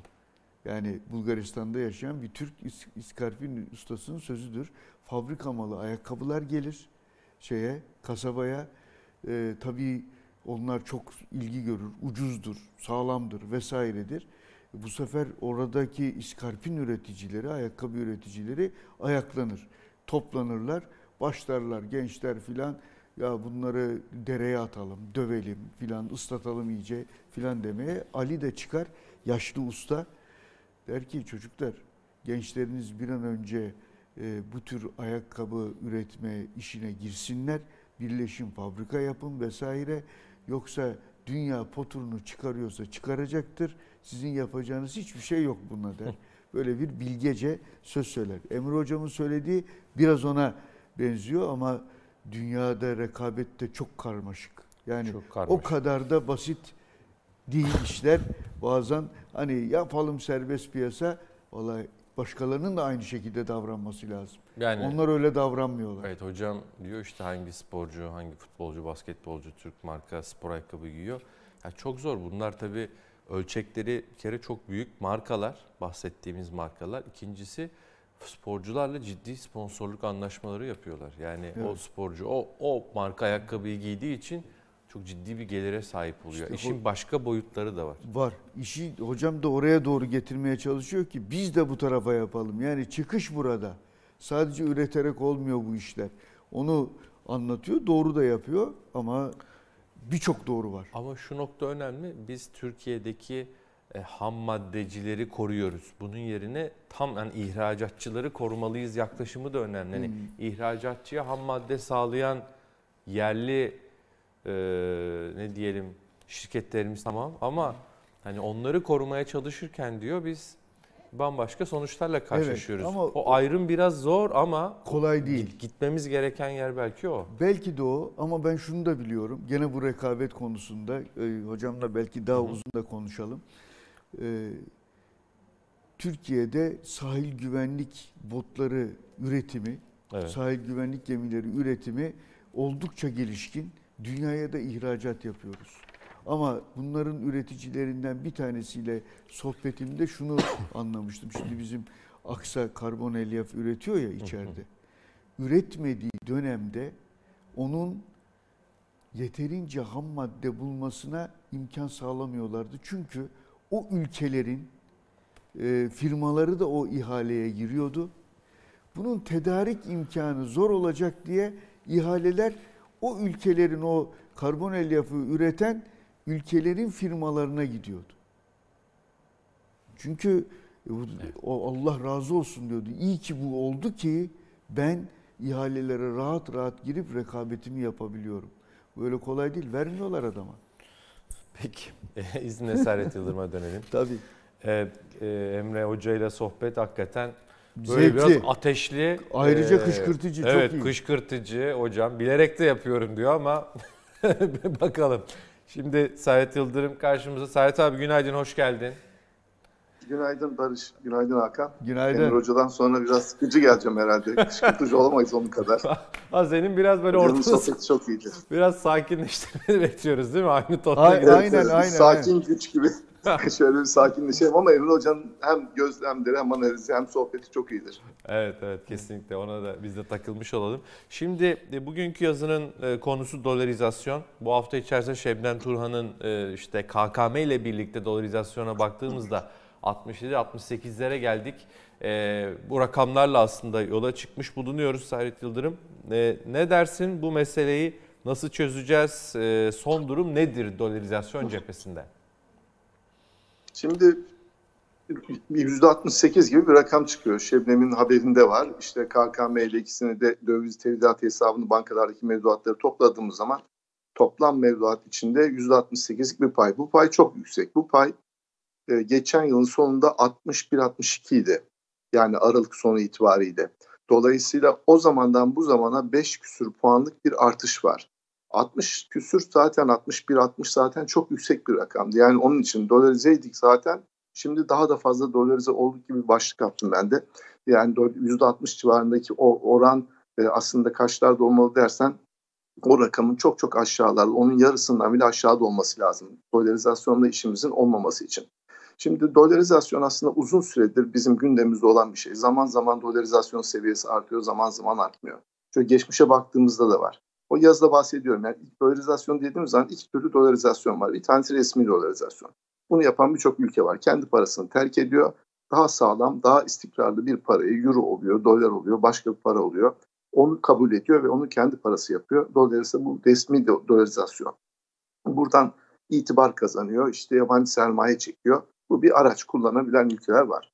Bir de bizdeki gibi gayri resmi dolarizasyon var. Gayri resmi dolarizasyon ise ülkedeki makro ekonomik istikrarsızlık ve yüksek enflasyon, işte negatif reel faizler gibi çeşitli faktörler nedeniyle vatandaşın döviz tutma eğilimi. Bunu varlık ikamesi için de yapabiliyor, işte para ikamesi işlem için de yapabiliyor. Dolayısıyla e, biz bunu çeşitli boyutlarda uzun süre yaşadık. Şimdi bununla baş edebilir miyiz? Geçmişte ettiğimiz dönem olmuş. Gene yüksek dolarizasyon varken biz dolarizasyonu oldukça düşük seviyeleri çektik. İşte 2007-2008'lerdeki o hikayeleri hatırlarsak o dönemde Türk lirası e, itibar kazandı. Bu işin birinci koşulu TL'ye itibar kazandırmak. TL'ye istikrar kazandırmak. TL'ye itibar kazandırmanın da yolu TL'yi cazip hale getirmek. Yani ben TL tutmalı mıyım? Tutmalıyım. Neden tutmalıyım? Cebimde TL tuttuğum zaman şu anda olduğu gibi son bir yılda TL tutanların kaybettiği gibi kaybedersem TL'nin cazibesi yok. Onun için e, bu bir önceki başkan Şahap Kavcıoğlu'nun bir 4-5 ay önce açıklaması vardı. Dolarizasyonla mücadele edeceğiz, yok edeceğiz diye. Açıklama güzel ama açıklamanın altına baktığın zaman dolarizasyonla mücadele için ne yapılabilecek? Liralaşma diye bir strateji Merkez Bankası başlattı. Liralaşma stratejisinin ana unsuru kur korumalı mevduat oldu. Yani kur korumalı mevduata kaydırdı. Kur korumalı mevduat aslında dolara endeksli bir şey. Yani dolarizasyonun karşı bir enstrümanı değil, aksine dolarizasyonun bir unsurudur. Çünkü kur korumalıya giden kafasında doların değer kazanacağı, kendini dolara endeksleyeyim diyen insandır. O kur korumalı ortadan kalktığı zaman kur korumalıdaki paranın önemli bir bölümü fiziki ya da e, hesaptan dövize gidecektir. Yani siz dövizden TL'ye para çekip TL'nin istikrarını artırmamışsınız. Geçici bir süre başka park edecek yani döviz heveslilerin park edebileceği bir araç yaratmışsınız. Oradan da gene gidecek. Onun için tanımda anlaşılamadığı için Türkiye'de bir grup çok dolarizasyon var diyor, bir grup hayır yok diyor. Ama KKM'yi de bence bunun içine katmak lazım. Birçok ekonomist de aynı fikirde. Onu kattığımız zaman da Şebnem'in haberinde dediği gibi 68 gibi bir oran. Bu da çok yüksek. Hakan abi Valla e, şimdi bir yandan da düşünüyorum e, dolarizasyon ya bu KKM'den nasıl çıkılacak? Yani hakikaten evet. şimdi yeni e, bu yönde bir takım adımlar atılacağını da duyuyoruz e, sevgili Servet. Yani şimdi Ekim'de bir yeni düzenleme, yılbaşında bir yeni düzenleme e, ve KKM'yi mesela Ekim'den sonra yeni hesap açılmayacak diye bir şey e, dolaşmaya başladı. Söz dolaşmaya başladı KKM'de yeni hesap olmayacak diye. Fakat bir yandan da e, bir KKM bağımlılığı da oldu insanlarda.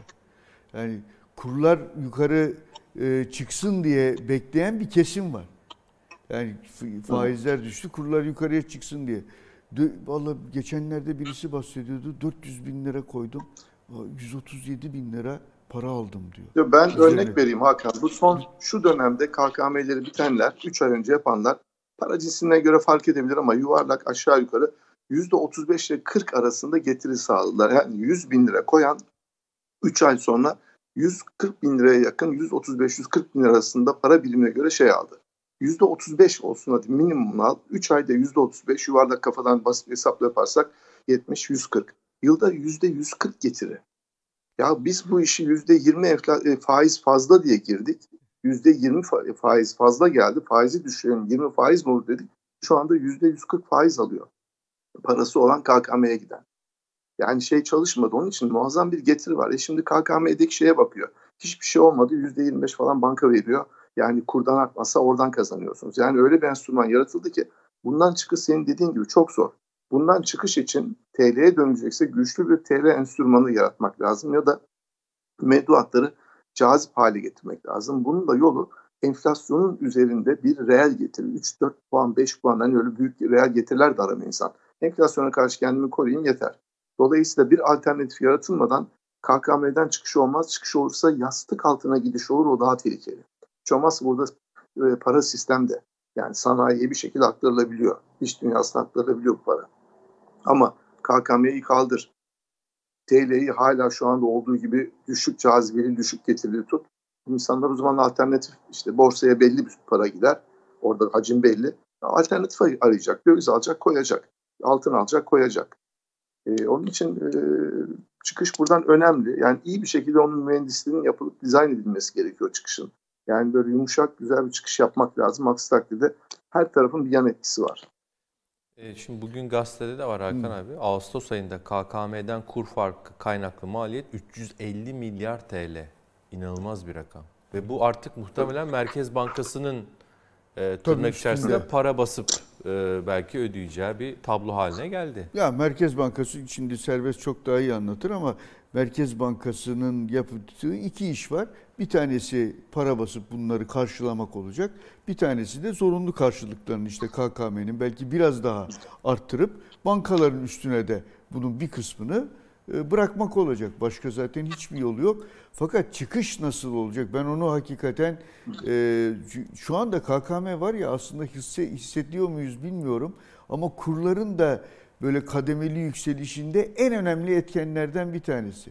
Faizlerin, mevduat faizlerinin düşüşünde en önemli etkenlerden bir tanesi.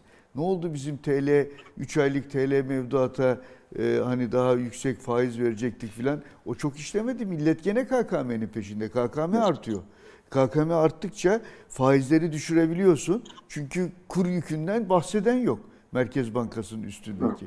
Niye yok? Ama işte o da yük. O da o dolaylı yük, gelsin enflasyonist. Onu kim ödeyecek? Merkez Bankası'nın sanki kendi kanalı var. Kendi başka böyle bir para kanalı var gibi düşünüyoruz. Aslında var. Tabii o bas yani para basmak. Hakan o da abi, çok ciddi bir sıkıntı. Yani biz KKM'nin KKM'den nasıl kurtulacağız diyoruz. Kurtulmamız gereken e, meselesi işte hazineye yük tarafıydı. Yarı Merkez Bankası, yarı hazine gibi düşünüyorduk. Şimdi tamam oh belki aldık bunu Merkez Bankası'nın kucağına bıraktık bu yükü ama bu taraftan KKM hani başka bir böyle bir hastalık gibi başka yan etkilerle ortaya çıkıyor. İşte o para basmayla yine değersiz TL enflasyonist Aynen. kur üzerinde başka bir baskı olarak da bu sefer ortaya çıkmıyor mu? Aynen. Aynen. Hiç. Servet abi son Tabii. belki bu konuda bir değerlendirmeni alalım. Yani bu tarafı da KKM'nin e, belki çözmemiz gereken bir sorun haline KKM geliyor. KKM rejimi oldu ya. Kurtulamıyor bundan. KKM yani tümden çözmemiz lazım Barış. Yani bir sürü tarafı var tarafına gelsek ama yani KKM ekonomide yani sağlıklı bir ekonomide olması gereken bir enstrüman değil. Çünkü hep daha önce konuştuk. Şapkadan çıkarılan tavşan usulü çözümler hep yan etki yaratır. Yani bir ortodoksluk, heterodoksluk tartışması zaten oraya gidiyor. Bir ortodoks önlemler vardır. Denenmiştir, görülmüştür ki bu önlemler alır ekonomi bir yerden götürür. Onun kuralları var. E bir de böyle şapkadan tavşan çıkarak yok KKM yok e, ka, ka, başka şey, e, araçlar. Bunlar hep böyle yan etkiler yaratır. Onun için bunun taraflarını düzeltmek yerine KKM'den tümden kurtulmak lazım. Bunun içinde alternatif cazibe unsuru olan bir enstrüman yaratmak lazım. Şapkadan tavşan çıkarılmayacak şekilde daha ortodoks e, enstrümanlar olabilir. Burada da işte yeni e, tahviller, e, özel tertip tahviller akla gelebilir. E, yüksek getirili tüfe endeksli tahviller akla gelebilir. Daha da doğrusu faizlerin anlamlı bir yere getirilmesi akla gelebilir. Güven duymadan bu işin içinden çıkmak mümkün değil. Ona da nasıl güven duydurulacaksa onu yapmak gerekiyor. İşte bu aslında dön, basit yani. Belki dön başa kök neden? Enflasyonu düşürmeden. Enflasyonu düşürmeden. Enflasyonla mücadeleyi gereği gibi yapmadan. e, enflasyonla mücadeleyi yaparken para politikası araçlarını gereği gibi kullanmadan yani hakikaten evet. yapılacak şeyler gözümüzün önünde doğru bir yoldayız belki ama Onun çok için, yavaş gidiyoruz. Tabii. Yani. Evet, o zaman... Geçmişteki o dövize çevrilebilir mevduatlarla benzettiler kur korumalı mevduatlar. Bu DÇM'ler de zamanında çok büyük bir buluştu. Soluk aldırdı o dönemde. Aynı KKM gibi soluk aldırdı ama ondan sonra bu DÇM'lerin yükünü Türkiye yıllarca taşıdı. Yani işte Özal'ın güzel bir açıklaması vardı buna ilişkin. Yani bu öyle bir hataydı ki öyle bir yük getirdi ki diyor ondan sonra çıkıyor. Eğer biz bu DÇM'lere girmeseydik işte şu şu yatırımları yapardık diye sıralıyor. Ne kadar kilometre yol, ne kadar okul, ne kadar bilmem baraj, ne kadar altyapı. Yani bir sürü oraya gidecek kaynak maalesef o dövize çevrilen mevduat hastalığı nedeniyle e, kullanılamadı. Aynı şey KKM'de şu anda oluyor. Merkez Bankası hazinenin üzerine binen yük nedeniyle. Yani şu, Ama bir kesim kendini çok güzel, çok zengin hissediyor. Onu söyleyeyim yani. Tabii. Ay, 3 ayda bir %35-40 faiz. Var mı böyle bir şey? Peki çok teşekkürler. Ee, Sert abi çok teşekkür ederiz. Ağzına sağlık. Teşekkürler. Kolaylıklar diliyoruz. Ee, bu şapkaya tavşanı bir kez daha koymak lazım. Şapkanın içinden tavşanı şapkanın içerisinde bir yere saklamak lazım diye anlıyorum. Şimdi bugün Alaaddin Aktaş'ın evet. e, Alaaddin Aktaş tabii tatilden döndü, hızlı girdi. E, Alaaddin abi. Burada da enflasyonda bırakın yıl sonu Ağustos ne olacak diyor. Ağustos ayına ilişkin 2 ila 3 puan enflasyon cepte. Hani 5 olursa da şaşırmayını evet. e, bir şekilde hesaplamış. İki burada mesele var diyor. Bir kur, iki akaryakıt. Hadi kuru tuttun ama akaryakıtı tutamıyorsun diyor Alaaddin Aktaş. Evet. Biz de ankette aslında e, benzer bir şey sormuş olduk. Kaç gelir yani diye. Ağustos'ta ne gelir hı hı. diye. E, şimdi yüzde beşi öpüp başımıza mı koyalım diye zaten son paragrafta ya bu aylar biliyorsun Barış'cığım ya normalde eksi fiyat artışlarının yaşandığı bu sebze, meyve vesaire filan hani e, dönemler. Ya yani biz bu dönemleri Temmuz'da zaten 9.46 mıydı? Yanlış hatırlamıyorsam. Yani 9.5 diyelim. 9 küsür evet. E şimdi de 4-5 çıkacaksa yani biz bu enflasyon nerelerde 58 de tutmaz. Tutmaz. Yıl sonu İyimser tahmin. kalacak. Evet. Yani herkes alkışladı ya, fiziki evet. olarak da alkışladı. Ee, Merkez Bankası başka bir şeydi herhalde. Yani ilk başı, ilk e, anı. Heyecan oldu. Heyecan oldu. Ee, ama 58'de tutmayacak. Yani ekonomistlerin tahminleri, piyasa ekonomistlerinin 65, akademisyenlerin 70-72'lere kadar çıkıyor. 58 tahmini e, muhtemelen aşağıda kalacak diye görüyoruz. Burada Fatih Özatay'ın da e, Doğru, sevgili Fatih Alaaddin Aktaş'ın yazısının ardından Fatih Hoca'nın yazısı da şerefli mağlubiyetler döneminden çıkalım artık diyor. Buradaki mağlubiyeti de sen de dikkat çektin e, mevduat faizinin mağlubiyetini. Ya burada mevduat faizi çok aşağıda kaldı e, ve enflasyonun beklenen enflasyonun da çok gerisinde bir mevduat faizimiz var. O ta Coşkun Özarı'nın işte yenildik ama hani ezilmedik şerefli mağlubiyetler hikayesine atıf yaparak ya burada diyor sıkıntılı bir tablo var. Bir tane de grafik var. O bizim negatif reel faiz dönemini hatırlatan çok ciddi bir çubuk aşağı doğru gelmiş. Doğru. Kırmızıyla kırmızı, görüyorsunuz. Kırmızı ve bu da çok dikkat çekici. Ona dikkat çekiyor zaten. Yani tekrar diyor e, tam bu işi bir yerlere doğru getirirken ama biz e, hani belki de biz de konuşuyoruz ya burada ya faizler de birbirine yaklaştı. Hı. Ya işte aslında e, öyle değil. Özellikle bu kur korumalının gene yaptığı bir etki bu. Yani şeyi düşünmüyoruz.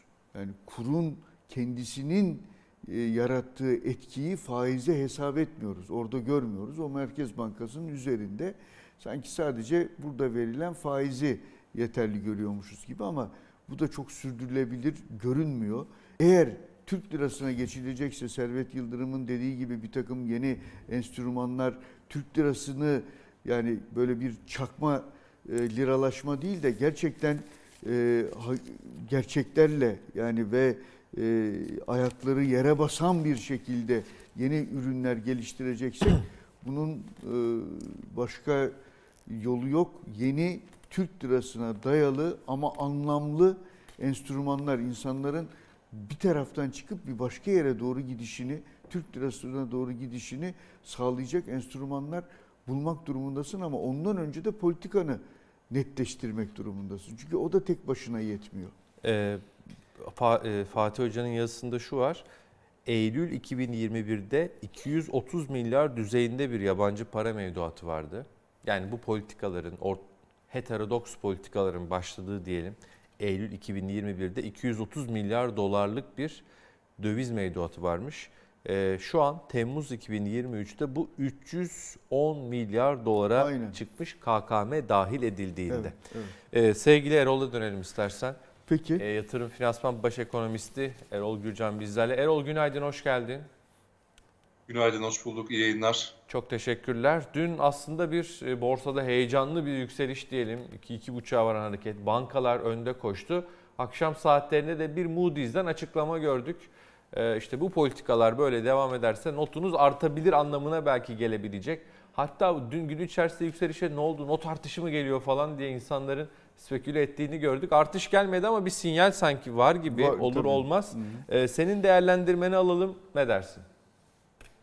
Evet, e, dün özellikle bankacılık sektörü hisseleri e, başı çektiği için e, birçok spekülasyon dolaştı. E, piyasada bir tanesi de e, bir not artışı mı geliyor acaba şeklindeydi ama e, bu Moody's'in raporunun e, yayınlanma tarihine baktığımızda e, üyelerine bunu e, 8 Ağustos'ta yayınladı gözüküyor internet sitesine baktığımızda.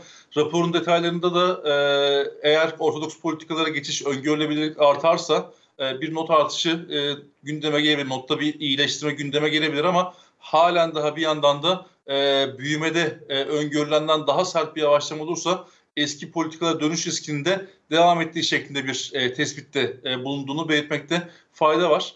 E, şu anda Türkiye'nin e, kredi notu e, S&P ve Fitch'te yatırım yapılabilir seviyenin 5 kademe altında negatif not görünümüyle e, derecelendiriliyor. E, Moody's tarafında yatırım yapılabilir seviyenin 6 kademe altındayız ve e, bir alt e, lig diyebileceğimiz C e, notlarına da sadece bir kademelik bir mesafe var. Moody's'e not gör, görünümü durağan. Normal şartlarda teamülen e, not görünümünün pozitif e, olması ya da pozitif izleme alınmasını takiben 3-6 ay içinde biz not artışları görürüz ama şu anda bizim Moody's'te notumuzun, e, not görünümümüzün durağan olduğunu e, hatırlatmış olayım. E, Türkiye ilişkin en yakın not güncellemeleri de Eylül ayında 2 adet e, var e, Fitch ve S&P'den e, Aralık ayında Moody's'in e, not gözden geçirmesi e, görünüyor planlı olarak. Yani şu anda kısa vadede e, gelen bu yorum e, bağdan dolu tarafına odaklanınca bir miktar olumlu hava yaratmış gibi gözüküyor ama e, en azından bir not artışı hamlesi görmek için e, raporun detaylarına baktığımız zaman da daha fazla adım e, izleneceğini de anlıyoruz diyebilirim. E, bugün özelindeki verilere baktığımız zaman da e, küresel piyasaların odağı e, Amerika'dan gelecek enflasyon verilerinde olacak. Burada manşet enflasyonun e, Temmuz ayında %3'ten 3.3'e yükselmesi bekleniyor. Çekirdek enflasyonda 4.8'den çok sınırlı bir e, gerileme 4.7 civarına gerilemesi bekleniyor. E, bu veriler küresel piyasadaki risk iştah açısından özellikle Fed'in mevcut e, politika faizini e, koruyacağı mı yoksa en azından bir artı daha gideceği mi anlamında oldukça önemli olacak e, diyebilirim.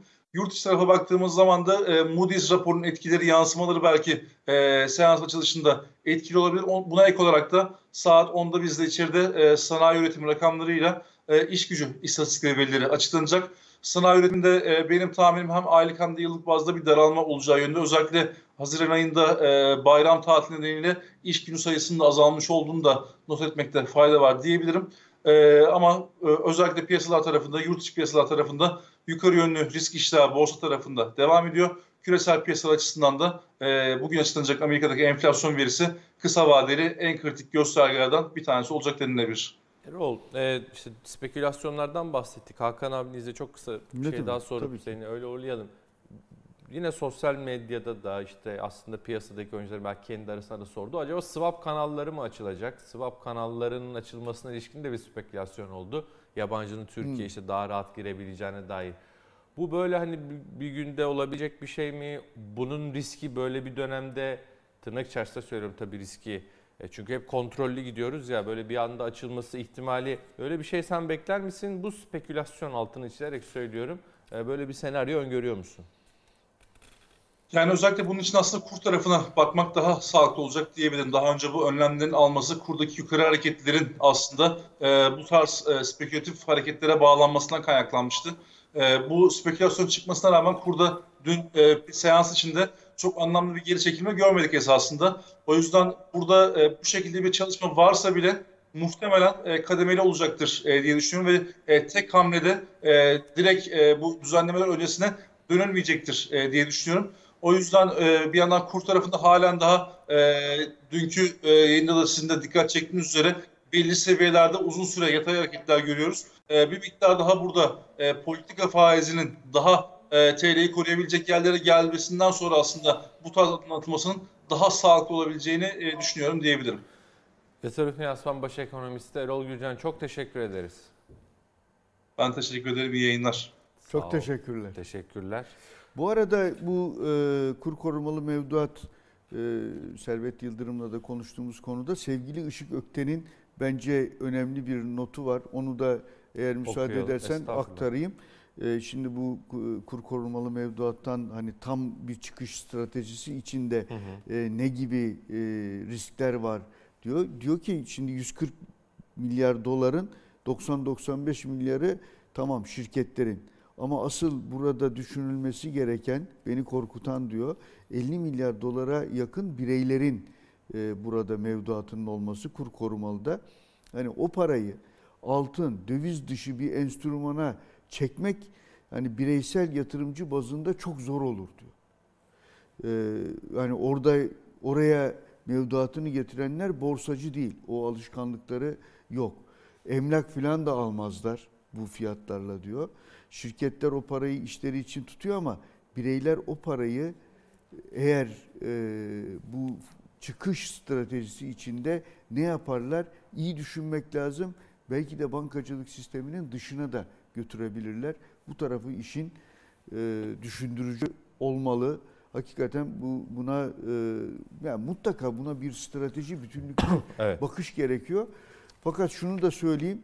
E, mesela şuna rastlıyorum ben. Ya bu 3 aylık diyor verecekler şimdi iyi faiz ama diyor. E bankalar yapmıyor mu diyor. Şimdi 36-38'deydi faizler, mevduat faizi. Bir anda 25'e 26'ya düşürdüler diyor. E ben dolarda kalsaydım daha iyiydi diyor. Belki dolar çıkacaktı diyor. Yani 3 aylık faizin de eninde sonunda yani bugün mesela diyelim ki 45 ama 3 ay sonra e faizler düştü kardeşim veriyorum. Enflasyon düşmeden bunlara gittiğin zaman e, millet buralara hakikaten yönelmeyebilir. Bunları gerçekten bütünlüklü bir strateji içinde düşünmek lazım. Yani- Işık Ökte haklı. Yeni dönemin en çok tartışılan başlıklarından bir tanesi bence mevduat faizlerinin düşmesi ya da Evet. düşürülmesi ya da Evet. bunun bir başarı olarak ortaya konması. Bunu çok tartışacağız. Hala enflasyonda beklentiler kötüleşirken.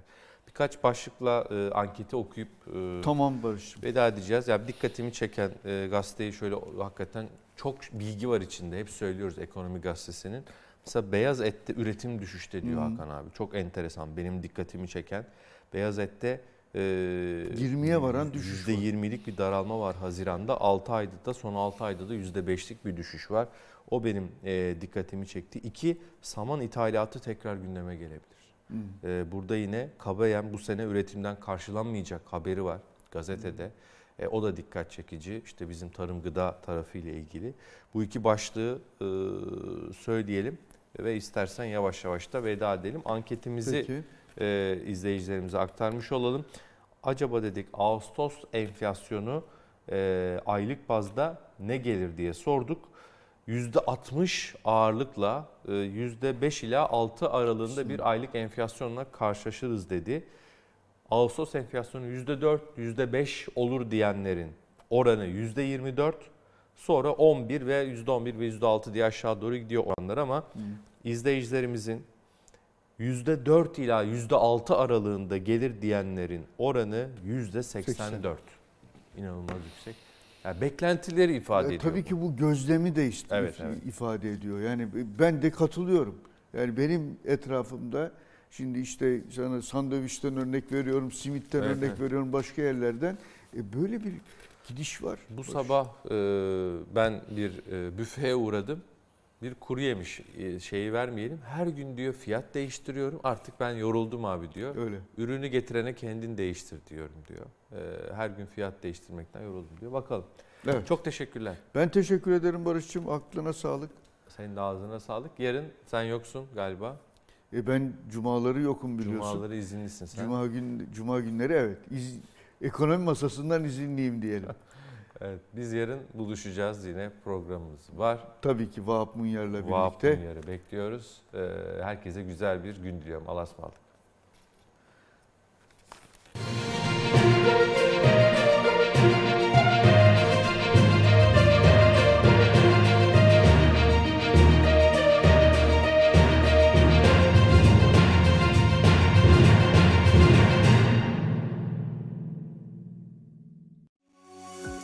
Yatırım Finansman Ekonomi Masasını sundu.